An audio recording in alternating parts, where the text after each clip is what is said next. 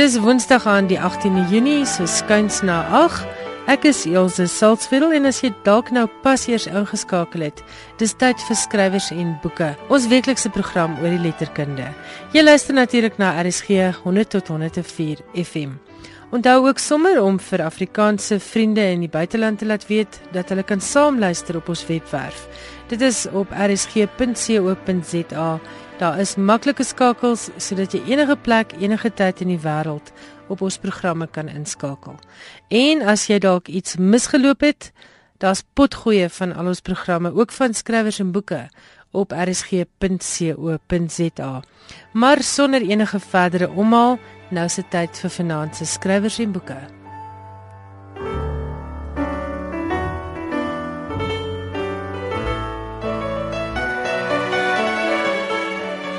My gas vanaand in die ateljee is Erika Maritron en ons gesels oor haar jongste roman Stippellyn. Erika, baie welkom. Baie dankie. Kom ons praat net gou-gou oor jou vorige werk ter wille van ons luisteraars. Ek skryf van julle lewe lank al want ek het ook ses was al my paar versies geskryf. Uh my eerste boek het eers gekom na ek 40 was. En uh die meeste van hulle gaan maar net plan oor die verhouding Ja, oor die goed wat tussen mense gebeur. Die verhoudings tussen mense, dit wat maar mense se lewe uitmaak. Daar is nou nou 'n bietjie hoë drama, maar meestal nie regtig nie. Die heel eerste een was so 'n boekie oor 'n vrou wat haar identiteit probeer vind met al haar identiteite. Sy naam was Wie is jy Elisabeth? Dit is nou al lank gelede. En daar was 'n boek Toubrug wat gegaan het oor maas en seuns en oor die Anglo-Boereoorlog eintlik. 'n Jong Duitser wat in Suid-Afrika uh, die boere wou kom help, baie idealisties. Uh en daar's 'n boek oor ma's en dogters ook gewees. En dan sê Maria was nou eintlik maar die eerste boek wat ek nou nogal goed oor gevoel het. En daarna die Mezzanine Klub wat gaan het oor mense wat in hulle 50's moet besluit waarmee gaan jy in jou lewe aan? Waarmee word jy oud? Hoe word jy oud en wat los jy? En wat 'n belangrike tema is, né? Ja, eintlik is dit. Dit was miskien op die oog af 'n bietjie 'n ligte roman, maar dit ek dink nie dit was dit regtig heeltemal nie. En dan verblyf wat 'n boek was waarvoor ek nogal baie navorsing gedoen het en wat my na in die hart lê nog altyd. Wat gegaan het oor die mense in die diaspora, maar ook allerlei verskillende maniere van verplasing. Selfs en ook moderne diaspora, né? Die moderne diaspora. Ja, ek het daarvoor het ek met mense in Kanada, ek het in my neef in Kanada gegaan en ek is Londen toe. En ek het selfs in so 'n studente kommune, so 'n jeugkommune geslaap en met mense onderhoude gevoer. Ek het die spul daar kos gemaak nog. Die aand want hulle was absoluut oorstelp. Die klomp jong mense wat net kom in Londen en 'n bak maakos kry. Ja, en toe het uh, ek te passeer met klein diere en 'n bietjie lank gewag vir hierdie ene. Sê 'n paar jaar nou al. Hoe lank tussen uh, tapisserie en hierdie boek? 5 jaar. Ek dink seker 5 jaar, ja. Ja, ek, ek skryf altyd, ek skryf altyd kort verhale en tydskrifgoed doen ek en artikels doen ek soms en ek het 'n rubriek wat ek in 'n kerkblad skryf. So daar was altyd Dis maar altyd iets, aan die skryf. Ja. ja. Kom ons praat oor Stippellyn. Stippellyn het 'n klomp belangrike temas. Een van hulle is ouderdom, maar daar's ook ander temas. Vertel vir die luisteraars bietjie meer daarvan. Wel, een van die temas is 'n stuk geskiedenis, 'n gedeelte van die storie handel maar op 'n indirekte manier. Mense moet nou nie dink dis nou 'n boek oor die Tweede Wêreldoorlog nie, wat dit nou nie is nie, maar, ja, maar dis maar 'n klein deeltjie daarvan. Dit is 'n klein deel daarvan, ja. Maar twee van die karakters is dan mense, die een man is 'n Kroaat wat met 'n Duitse vrou getroud was en wat dan nou kort na die Tweede Wêreldoorlog Suid-Afrika toe gekom het. En hulle het 'n geskiedenis van vir alles verloor en weer begin en verloor en weer begin. So dit daai soort van dapperheid en deursettingsvermoë wat hulle lewe maar eintlik in 'n mate gevorm het. Maar dan kom hulle in 'n vreemde land met 'n kind wat eintlik 'n Duitse kind is en wat hier moet groot word en die ouers is so besig om aan te pas dat hulle amper nie tyd het om regtig oor die kinders se 'n kind se situasie na te dink nie. En dan 'n kind wat hier gebore is wat nie werklik deel van wat die geskiedenis van die familie is nie. Maar wie se geskiedenis dit tog is op 'n manier baie sterk beïnvloed word daardeur. Ja, so dis 'n stuk van die storie. En dit is ook met ander woorde 'n boek oor ouers en kinders en dis 'n boek oor verlore liefdes en en 'n boek oor groot aanpassings. Ja, al die karakters moet aanpassings maak en al die karakters het maar 'n pad om te loop.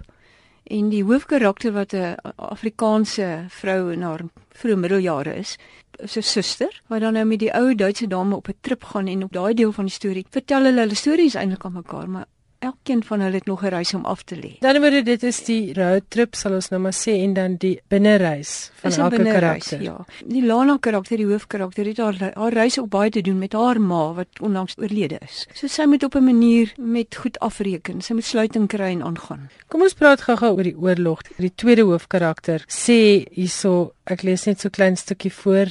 Net iemand wat die oorlog beleef het, het die reg om daaroor te praat. Ons wat dit wel oorleef het, het nie nodig om daaroor te kla, veral nie by medemense wat dieselfde ervarings gehad het. Wat is daar wat oorspronklik is aan enigiemand van ons se geskiedenisse? Daarom kan my verhaal vir niemand as interessant of fascinerend opgedis word. Nou net terwyl van die luisteraars, sy praat nou Afrikaans wat 'n Duitse inslag het, dis hoekom daar nie 'n dubbele nie is nie. Vertel my van die navorsing oor die oorlog, want jy het dele hiervan gebaseer op ware gebeure. Ja en nee, want ek dink dit is wel waar daar is soveel mense met vlugtelinggeskiedenisse en wat trauma beleef het in die oorlog. Jy weet dat jy nie kan sê dit en dit het net met die of daai persoon gebeur nie. Maar ek het 'n vriendin wat as klein dogtertjie saam met haar ma en haar suster uit Kroasie na Duitsland pad gegee het. En van die goed wat sy my vertel het van die agtergrond kon ek gebruik. Jy weet, maar ek het daarna het ek toe net maar begin navorsing doen en ook die politiek in Kroasie begin oplees en so aan. Maar dit is definitief hierdie vriendin van my se woorde dat ag my storie is net soos almal se stories. En ek het nogal baie daaroor gedink want die stories verskil ook baie maar daar is ook gemeene delers in die stories. En ons het almal 'n fascinasie met oorlogsverhale. Asof dit enigiets aan die oorlog gaan verander as meer mense daaroor weet. Wel, ek het baie sterk gevoel dat ek my nie kan aanmatig as dat jy weet dat ek daar was of dat ek dit werklik kan verstaan nie. Maar ek ek dink een ding wat in die jy weet daarom het ek dit ook aangebied eintlik as uit die mond van hierdie vrou wat 'n bietjie vertel daarvan en wat dit met teensin vertel wat met weerstandig is oor vrae. Dis nie veronderstel om 'n akkurate beeld te wees nie. Maar maar net 'n beeld van haar ervaring en van hierdie gevoel van ons het goed ervaar wat jy nie ooit sal kan verstaan nie.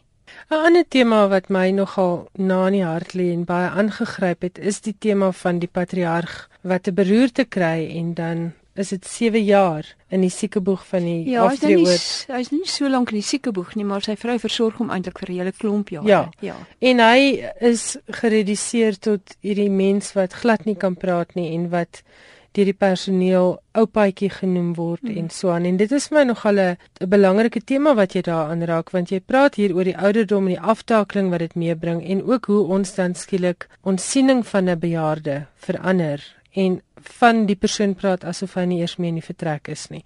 Hoekom hierdie tema? Wel, eers is die tema van spraakloosheid om een of ander rede, wel dit nee, ek kan nie om een of ander rede nie. Ek weet eintlik waar dit nou ook begin het, jy weet, maar mense wat op verskillende maniere nie kan kommunikeer nie, dit interesseer my omdat kommunikasie my so interesseer. So in Sê Maria is die hoofkarakter iemand wat amper namens ander mense praat. En daar's in daardie boek 'n hele klomp verskillende karakters wat op verskillende maniere hulle stem verloor, letterlik of figuurlik. So dit interesseer my. En ouer word interesseer my ook want ek voel baie sterk daaroor dat daar nie 'n verskil is in die mensheid van jonger en ouer mense nie. Toe ek vorige keer met jou gepraat het, het ons daaroor gepraat dat destyds het hulle gepraat van 'n non-racist, non-sexist, non-ageist society en ek dink ons leef nog altyd in 'n ageist society. Mense is altyd so verbaas as iemand van oor die 70 iets doen of nog asemhaal. Ja. ja, dis waar, né? Daar word 'n groot ja. ophef gemaak van enige prestasie by ouer mense asof dit ongewoon behoort ja. te wees. Ja. En eintlik met hulle jare se ervaring en ondervinding en kennis, behoort dit eintlik 'n gegewe te wees dat hulle baie het om te bied. Ja, my pa het 90 geword en ek was baie nou nou betrokke by hom en hy was ook verward en swygsaam toe hy heeltemal oud was. Ja, ag ek het self ook te doen met met aftakeling, jy weet wat ek om my sien. So Het jy goed kom nader aan 'n mens?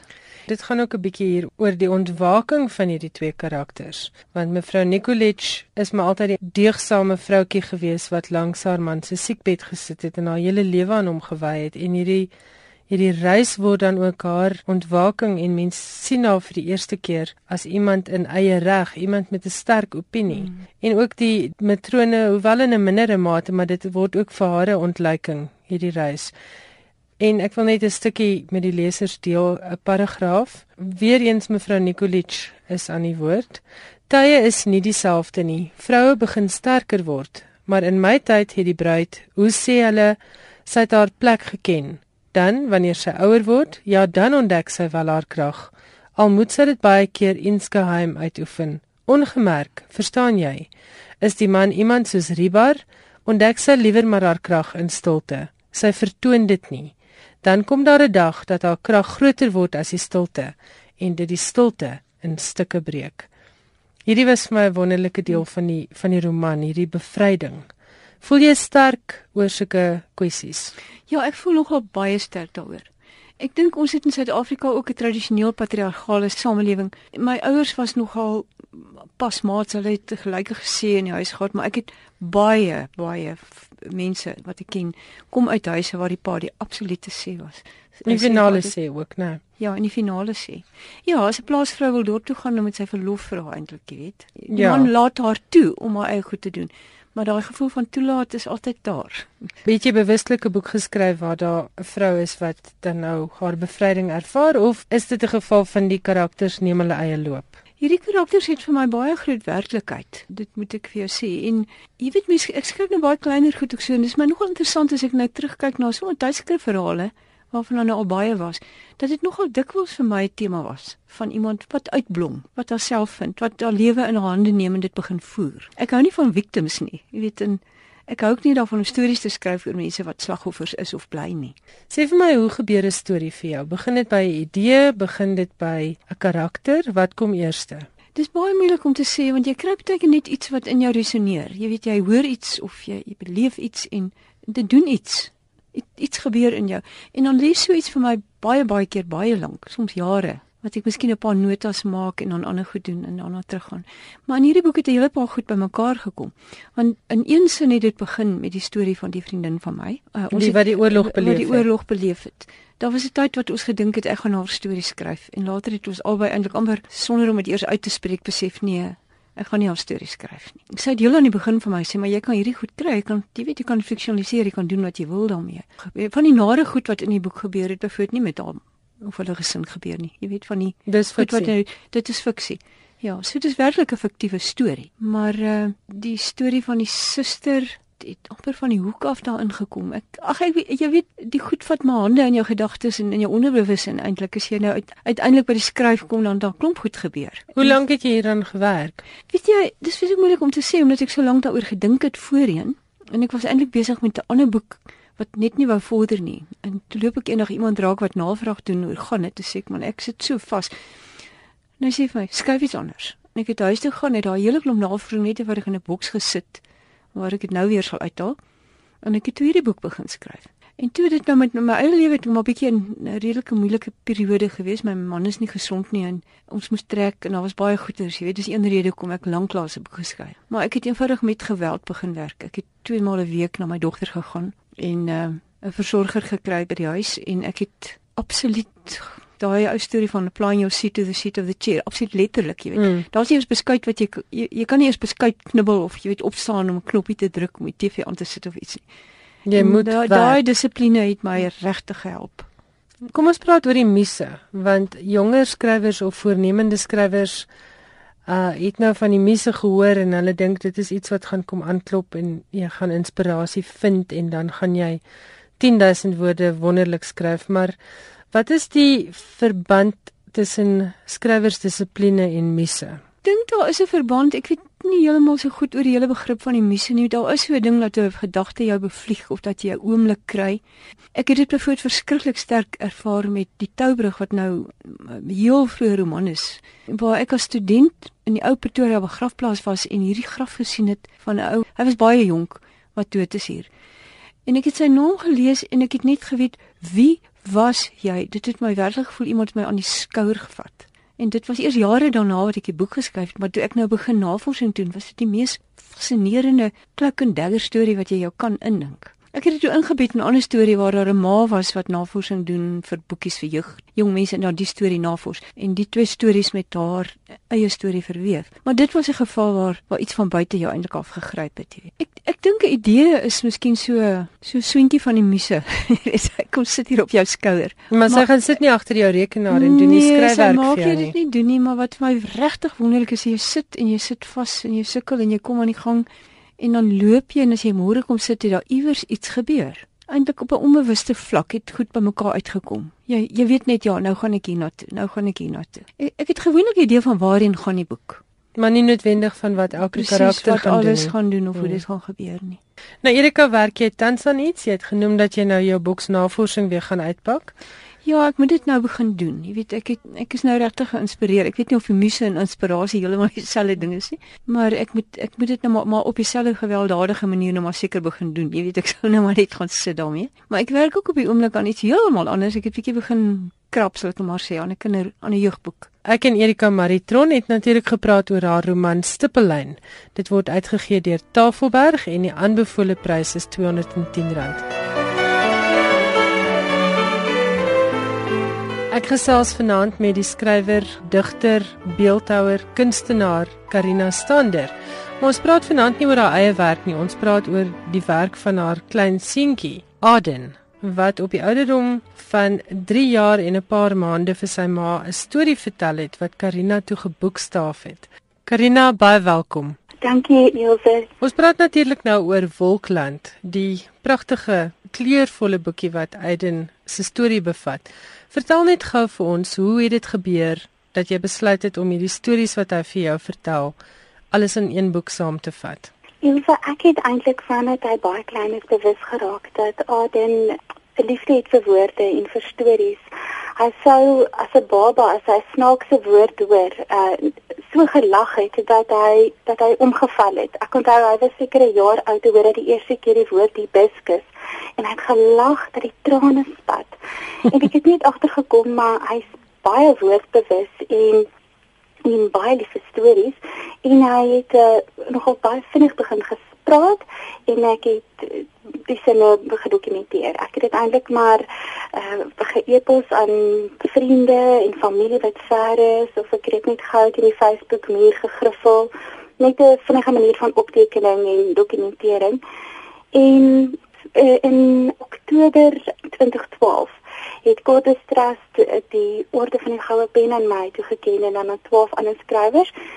En deel van die prys was 'n gratis publikasie opsie en ek het besluit ek wil die stories wat Aden deur die jare vir my vertel het, wil ek graag uitgee. Ek wil graag die publikasieprys daarvoor gebruik en maar rede hoekom ek besluit het ek wil dit eintlik juis vir vir my Cortes Trust prys daarvoor gebruik is die hele ontstaansrede van Cortes Trust was Dr. Fani Maree se dogter is baie jare gelede oorlede. Um sy was 'n student in letterkunde en hy het eintlik die Cortes Trust as 'n nalatenskap um aan begin as nalatenskap van haar en ek het gestig en ek het eintlik gedink dat met die toekenning, jy weet, verseker hy dat my woordgevoelige kind se eerste verhale bewaar kon word en dit was net vir my 'n sinvolle manier om 'n trust met daai tipe van nalatenskap uh, te gebruik vir my eie kind se verhale. Ek wil nou vir ons luisteraars net so 'n stukkie voorlees uit die openingsbladsy van Aden se boekie. Ons seentjie se naam is Plus. Hy dra so 'n swart hempie wat in die nag skyn. Nunu Eysie is ons dogtertjie. Njal, sy is ons dogtertjie. Cleo is ons seentjie. Fatty Stort is ons dogtertjie. Stanklai is ons dogtertjie. Die ander seentjie se naam is Dududu want hy hou van helikopters. Hy dra 'n groenerige hempie wat in die nag skyn en da, en dan het dit sulke leeuliggies en skynliggies in. Dudu du en plus hou baie daarvan om in duikbote te swem. Hulle het 'n duikboot en 'n ruikboot.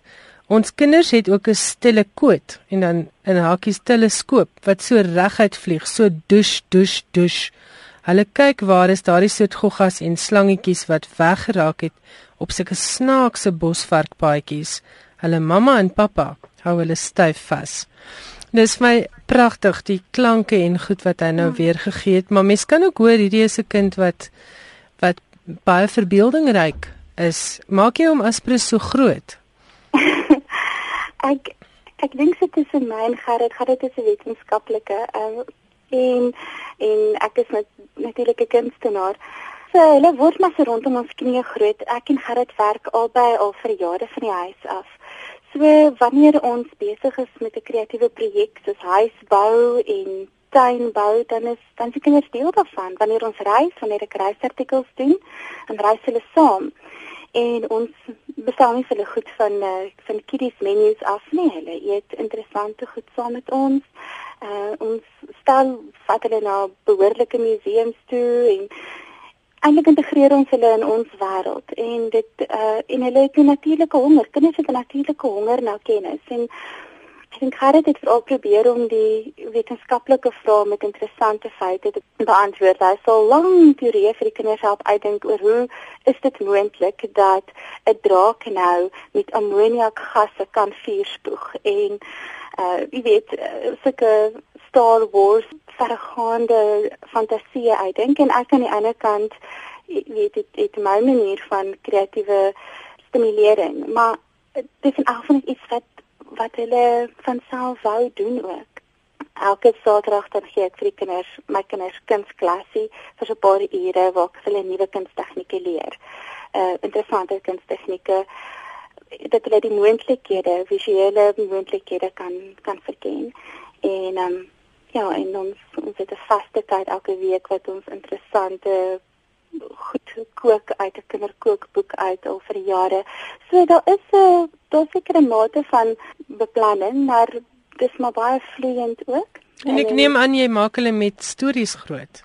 Met stories, ja, geweldig. Alles. Ek het nou voordat jy gebel het, het ek gesit en dinosourusse met resies karre omgegooi saam met saam met hulle en ek werk terwyl hulle slaap. Ek ek het al vir jare deur dit, maar ek werk terwyl hulle slaap. 5 ure per dag of 5 en 'n half en die res van die tyd speel ons vir Pippi Lankous ding soeker op die strand en uh, terwyl ons in die woud stap, sien ons mekaar die goorgom gaai op die Graffalo en speel die verskillende karakters uit. So dit is maar net dis maar net deel van die of of terwyl ons ry in die kar en reis deur die Karoo op pad na die Bosveld toe help ons ons mekaar stories uit te dink oor hoe die landskap verander het en en hoe die oerdiere wat voor die tyd daar was en so dat die hele tyd maar uh, is dit maar deel daarvan. Ek moet sê vir Wolkland self, die heel vroegste sin wat ek gebruik in Wolkland was ge, het ooit op 27 maande gesê en die laaste sin op 4 jaar en 11 maande want ek wou dit graag uh, die eerste 5 jaar se verhale wees en dit is of wat ek gedokumenteer het neergeskryf het weet op op, op Facebook as ek gesê het of op e-pos of dit is verhale wat hy op die diktafoon vertel het. Sommer terwyl hy sit en speel of op die telefoon met sy ouma en oupa gesels baie informeel. Dit was nooit 'n ding van ag Adam vertel vir my 'n storie vir jou boek nie.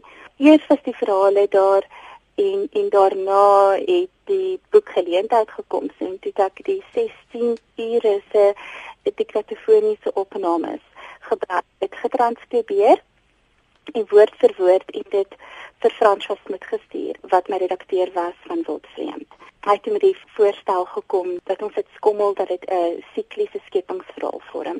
Dit is ons die volgorde net letterlik woordvolgorde en verhaalvolgordes geskommel maar hoegenaamd nie aan die storie self getorring of aan die inhoud nie. Die storie word vertel soos wat 'n mens verwag van 'n klein seentjie om dit te doen. Ek moet jou gelukwens uit ongelooflike nuutskeppinge hier vir die name van dinosourusse en mens kan definitief die verbeelding sien.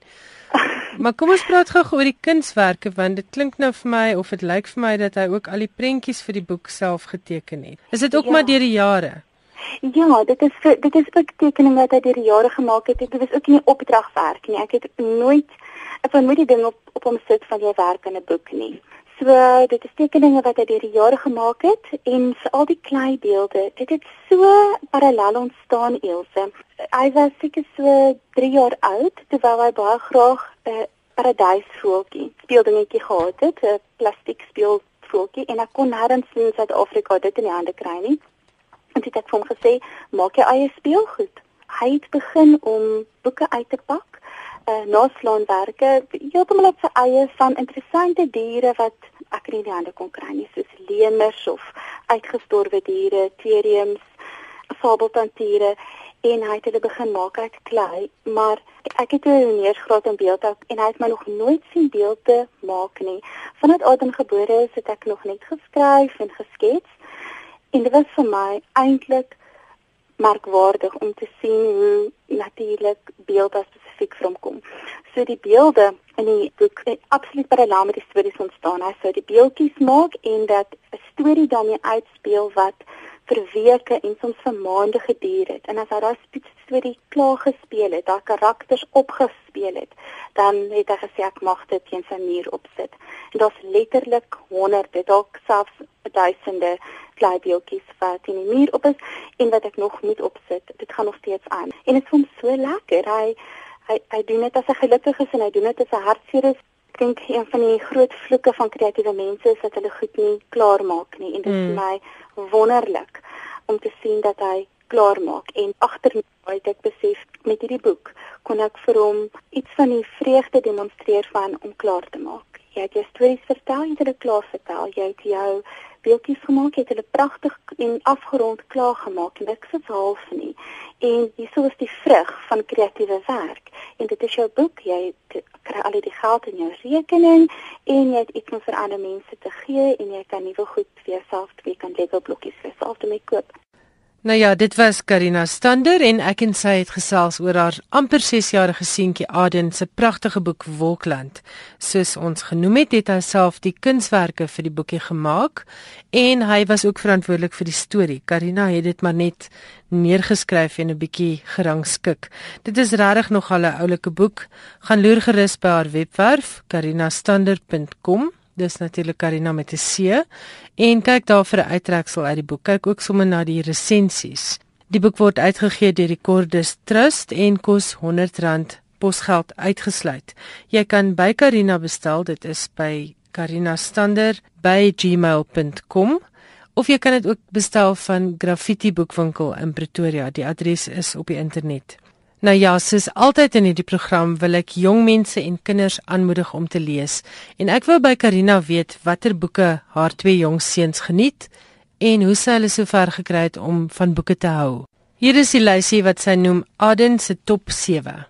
Dis die wonderbaarlike reise van Niels Holgersson deur Selma Lagerlof in die nimmer immerbos van Linda Rode, my groot dinosaurus wêreld van Simon Mugford die hele Pippi Lankaus reeks deur Astrid Lindgren, byna al die boeke uit die pen van Richard Scarry en Dr. Seuss en The Waterhole van Graham Base. Sy sê ook sy lees elke dag ten minste vir 'n halfuur lank vir haar kinders boek. Karina skryf verder: "Vir 'n klein kind kan boeklees nie 'n alleen ding wees nie. Dis daardie vereensalwiging met die warmte van 'n ouer, die nabyheid van 'n stem wat hulle ken, wat ook help om hulle lief te maak vir die lees van boeke en hulle aanspoor om later self lesers te word. Nou ja, dit is die wyse woorde van Karina Stander. En nou gesels ek weer met Letty Klein. Ons gesels ouer gewoonte weer oor die skryfkuns en spesifiek hoe om te ontwikkel as skrywer. Ek wil by jou weet. Ek is 'n aspirant skrywer. Ek wil leer skryf. Waartoe gaan ek? Ons fantastiese ontwikkeling die laaste paar jaar waar skrywers wel hulp kan kry. En ek dink ek is persoonlik meer genee om dit aan te beveel as om byvoorbeeld skryfkompetisies aan te beveel waar daar geen vorm van ontwikkeling is nie waar jy 'n verhaal skryf jy stuur dit in jy wen 'n kompetisie daarmee en dink jy het 'n absolute fantastiese verhaal skryf. Miskien het jy miskien het jy nie. Daar's 'n verskeidenheid van moontlikhede vir skryfontwikkeling. Die eerste daarvan is aanlyn webwerwe wat vir jou um, skryfhulp aanbied. Litnet byvoorbeeld is een wat ek dink 2 jaarliks 'n uh, prosa en 'n uh, poësie ontwikkelingskursus aanbied, 'n soort keringskursus waar jy dan saam met 'n mentor werk 2 of 3 rondes om jou werk te ontwikkel en af te werk. En byvoorbeeld ook die Suid-Afrikaanse vryskut skrywers. Met ander woorde waar jy 'n soort aanlyn kursus kan loop waar daar dan ook kritiek en verbetering en voorstelle op jou werk aangebring word. Ek dink dit is nogal van alle skryfskole waarskynlik die belangrikste, is dat dit nie net 'n soort teoretiese onderrigting moet wees nie, maar waar jy ook 'n kans kry om met 'n mentor te kan werk en verhale te kan of gedigte te kan instuur oor en weer en te kan verbeter na aanleiding van kritiek. Die ander interessante of verblywende ding is dat uitgewers geweldig baie insit in manuskripontwikkeling en veral in die ontwikkeling van jong skrywers byvoorbeeld die nuwe stemme vir digters en die nuwe stories projek vir jong kortverhaalskrywers wat ook gebaseer is op 'n soort werkswinkelmetode waar verhale gekies word, ontwikkel word, skrywers weer daaraan kan werk en weer ontwikkel kan word en dan 'n finale weergawe daarvan kan instuur. Daar is ook Afrikaanse skrywers en Suid-Afrikaanse skrywers wat eendag werkswinkels aanbied, soos byvoorbeeld Harry Kamer, Martie Preller, Rihanna Skeepers ensovoorts, wat skrywers dan of aspirant skrywers dan help om hulle werk te ontwikkel. Daar's nie formele skryfopleiding ook aan universiteite soos byvoorbeeld hierdie ATKV se skryfskool by die Universiteit van uh, by Noordwes Universiteit en byvoorbeeld by Henning Pieterse by die um, eenheid vir akademiese of um, kreatiewe skryf kreatiewe skryfkuns waar daar 'n weeklange kursus is maar dit nie 'n formele kwalifikasie is nie. Nou is natuurlik formele tersiêre onderrig, nagraadse kursusse in skryfkuns by Noordwes, by IP, by UJ, by Vrystaat, Stellenbosch, Kaapstad, verskeidenheid van universiteite bied dit aan as MND kursusse en natuurlik is daar 'n verskeidenheid skryfhandleidings op die mark wat jy kan gebruik om jouself dan te help. Ek dink is net belangrik om ook te weet en dit is veral wat ek en Rihanna in gedagte gehou het toe ons aan hierdie boek gewerk het, is dat jy op Amazon kan gaan kyk en jy kan 'n miljoen boeke oor skryfkuns vind. Dit is nie noodwendig gerig op die Suid-Afrikaanse mark of dan spesifiek op die, die Afrikaanse, Afrikaanse mark nie. nie. Hmm. En die uitgewersbedryf werk natuurlik aansienlik ehm um, verskillend in verskillende lande en ook die soorte genres wat gewild is in sekere lande. Ek dink in Afrikaans het ons eintlik nog nie goeie wetenskap fiksie. Mm, glad nie. En dit is iets wat internasionaal ba baie groot tendens is, baie goed verkoop en baie lesers trek dit is iets by ons wat jy waarskynlik baie moeilike uitgewer voor sal vind. En ook jy het soort van al die voetwerk gedoen. Jy het al die navorsing gevat en dit vir Suid-Afrikaans en in een gerieflike boek ja. bymekaar gesit. Wat ons wou doen is ons eh, ons het probeer om van die grootste skrywers bymekaar te kry wat reeds weet en al die fabrieksgeheime ken en reeds deur al die trauma is van hoe om 'n goeie skrywer te word om vir ons op te skryf wat is regtig belangrik in daai spesifieke genre. En ek dink ons weet ook dat skrywers oor die algemeen nie noodwendig fantastiese skrywers of groot reputasies opbou oor meer as een genre nie. Piet Stein was 'n absolute fantastiese skrywer wat misdaad uh, fiksie betref en ek is seker Piet het nooit in sy lewe gedink daaraan om ook 'n liefdesroman te mm, skryf mm, mm. of oor te gaan en en en cowboy verhale te te skryf nie. So dit is ook iets waarin jy al beter en beter en beter word met elke boek wat jy skryf.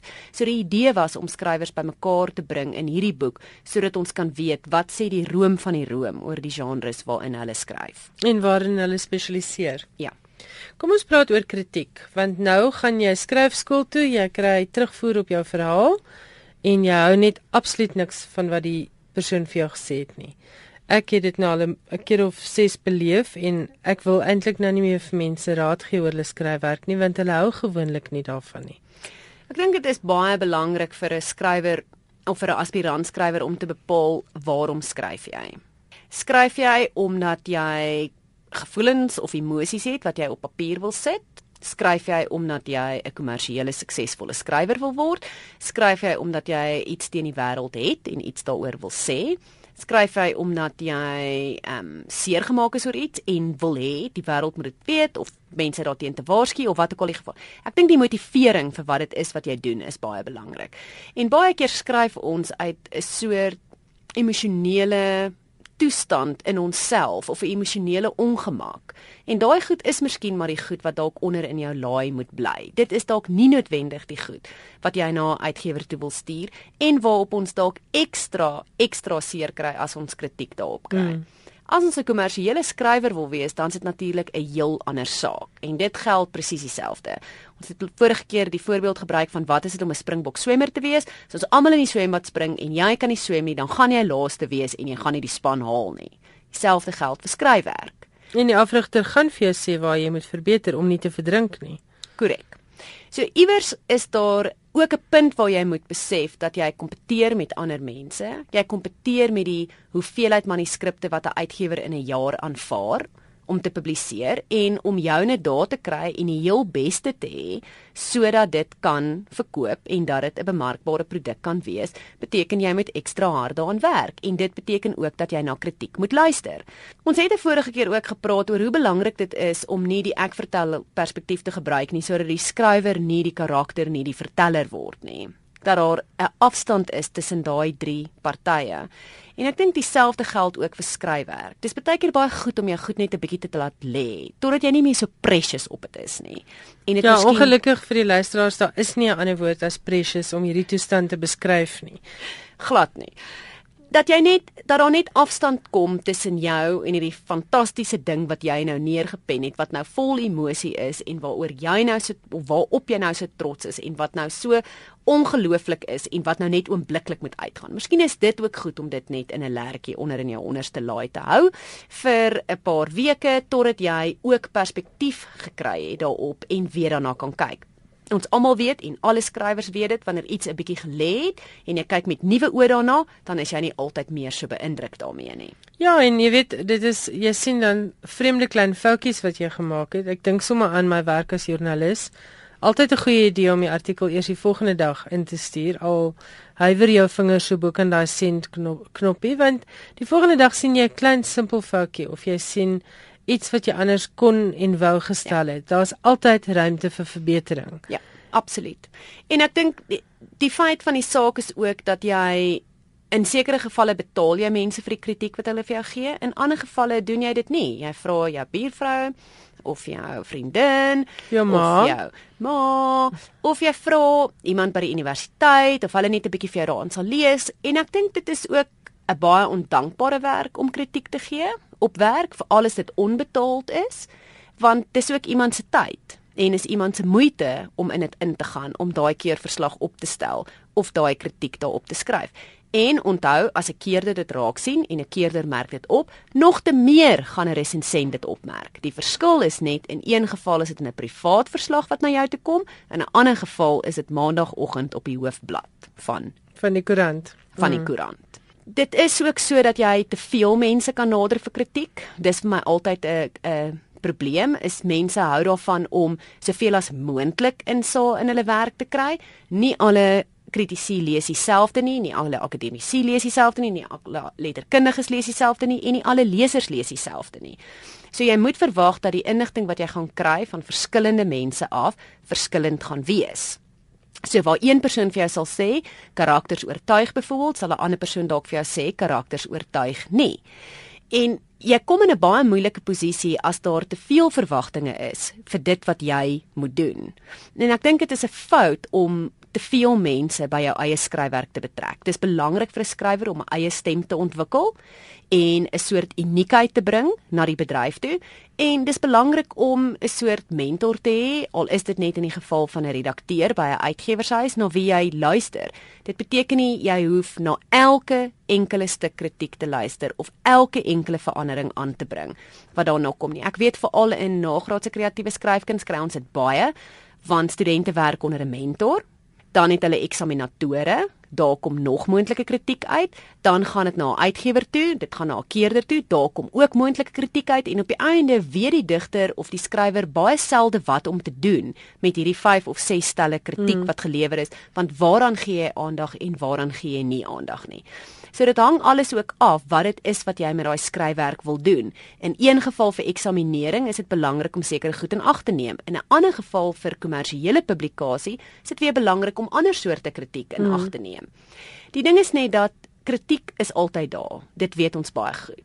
En ek voel oor kritiek op swak skryfwerk soos wat ek voel as ek vir my 'n wetjie by Woolworths gaan koop wat nie goed genoeg aan mekaar gestik is nie dis vir my presies dieselfde. Jy kan op geen manier na 'n groot handelswinkel toe gaan en sê hierdie is my ontwerpte klere. Ongelukkig het ek nie 'n soem ingesit nie en die pante is nog nie aan mekaar vasgestik nie, maar wanneer ek nou uiteindelik gaan begin om vir julle klere te lewer, dan sal die gehalte baie beter wees.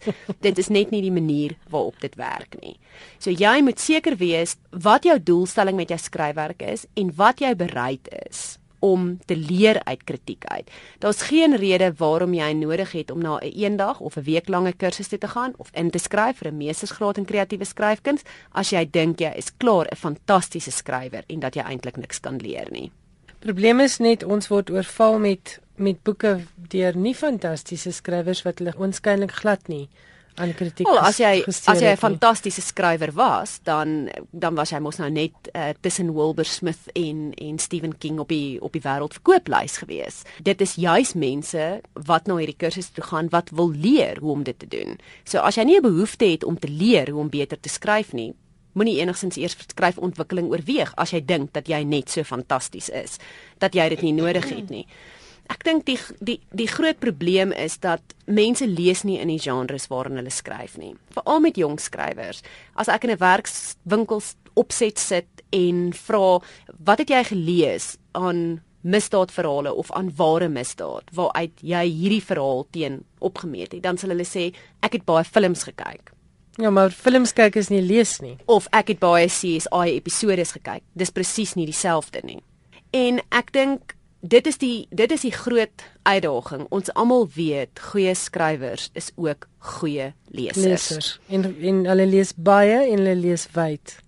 En ek dink dieselfde geld vir my as ons weer die swem analogie kan gebruik om te sê waarom wil jy 'n Suid-Afrikaanse of 'n Springbok swemmer word as jy eintlik glad nie van water hou nie, nooit swem kyk nie, glad nie weet hoe die reëls van swem werk nie en nog nooit eintlik eers vir jou 'n baaibroek gekoop het om dit in te probeer nie. En ek dink dieselfde geld vir my vir skryf. As jy nie lees nie, as jy nie oplees nie, as jy nie navorsing doen nie en as jy nie moeite doen om te verstaan wat 'n genre dit in is wat jy werk nie. Hoekom doen jy die moeite om dit te doen? Iets wat vir my baie kom, kommerwekkend is, is skrywers wie se werk afgekeur word by erkende uitgewers want hulle wil nie aan die kritiek raak nie. Hulle wil nie enigiets verander wat 'n uitgewer en 'n keurder voorstel nie. Wend hulle dan na hierdie fly by night uh mense wat basies boeke publiseer en dan sit jy skielik met 3000 boeke en dit het jou plaashuis vol geld gekos om te laat druk en jy kry nie een daarvan verkoop nie. Ek dink die die eerste vraag wat ek gewoonlik vra en die en die en die een ding van die bedryf waarin ek glad nie werk nie is ek werk nie met mense se pensioengeld nie. Maar ek vra gewoonlik sal jy bereid wees om jou pensioengeld in hierdie boek in te sit? Want jy verwag eintlik dieselfde verantwoordelikheid of dieselfde vrygewendheid van 'n uitgewer. Dit kos 'n enorme hoeveelheid geld om 'n boek uit te gee. So as jy nie bereid is om self daai finansiële risiko te ver, te loop vir die fantastiese produk of die fantastiese verkope wat jy gaan hê nie, hoekom sal jy dit van 'n gevestigde uitgewer verwag? Die ding wat 'n mens moet onthou is ook dat uitgewers werk dalk baie spesifiek in tendense en marktendense en baie keer het jy 'n goeie manuskrip of jy het iets wat regtig verdien om uitgegee te word, maar nie noodwendig opgeneem gaan word by groot kommersiële uitgewers nie bloot omdat die mark nie reg is nie of omdat dit 'n 'n ouer tendens is of wat ook al die geval kan wees, maar dit gebeur baie baie selde. Daar is uitgewers, daar's drukkerye wat jou boek vir jou sal druk. Enigiemand wat geld het, kan ook hulle eie boeke uitgee. Die punt is net, wat gaan jy daarmee doen? Hoeveel sukses gaan jy daaruit genereer? En gaan jy jou geld terugmaak? En gaan jy jou geld terugmaak? En ek dink daar is in terme van selfpublikasie 'n paar redelike goeie voorbeelde. Dien van Sail met haar kookboeke is een, maar dit is die uitsondering. Ja, dis beslis nie die reël nie en ook Dien het 'n fantastiese produk. Sy is ook absoluut ervare in dit, maar sy's ook ervare in bemarking, sy's ervare in publikasie, sy's ervare in 'n verskeidenheid ander goed. So ja, as jy die kennis het, dan is dit iets wat jy kan oorweeg om te doen. Maar die kans dat jy suksesvol sal wees as jy nie deur 'n kommersiële uitgewery opgeneem word nie, is eintlik baie skraal. Nou ja, dit was Letty Klein. Letty en Rihanna Skeepers is natuurlik die samestellers van die Afrikaanse skryfgids, wat ook die boek is waarop ons hierdie gesprekke baseer. Interessant genoeg gesels ek volgende week met Marinda van Sail. Sy is die skrywer van Wilhelmina Radebe kom tuis, die verhaal wat natuurlik tans voorgeles word op RSG. En ek wil vra dat voornemende skrywers sal inskakel om te luister. Marinda vertel hoe sy 7 jaar lank gesukkel het om Wilhelmina Radebe uitgegee te kry. Maar dit is eers volgende week se skrywers en boeke. Ek hoop jy het vanaand se program geniet. Stuur gerus 'n SMS na 3343. Elke SMS kos R1.50 of as jy lus het, stuur 'n e-pos na skrywers en boeke by rsg.co.za. Nou ja, daarmee groet ek Elsje Salzwetel dan tot volgende Woensdag aand net na 8 hier op RSG 100 tot 104 FM.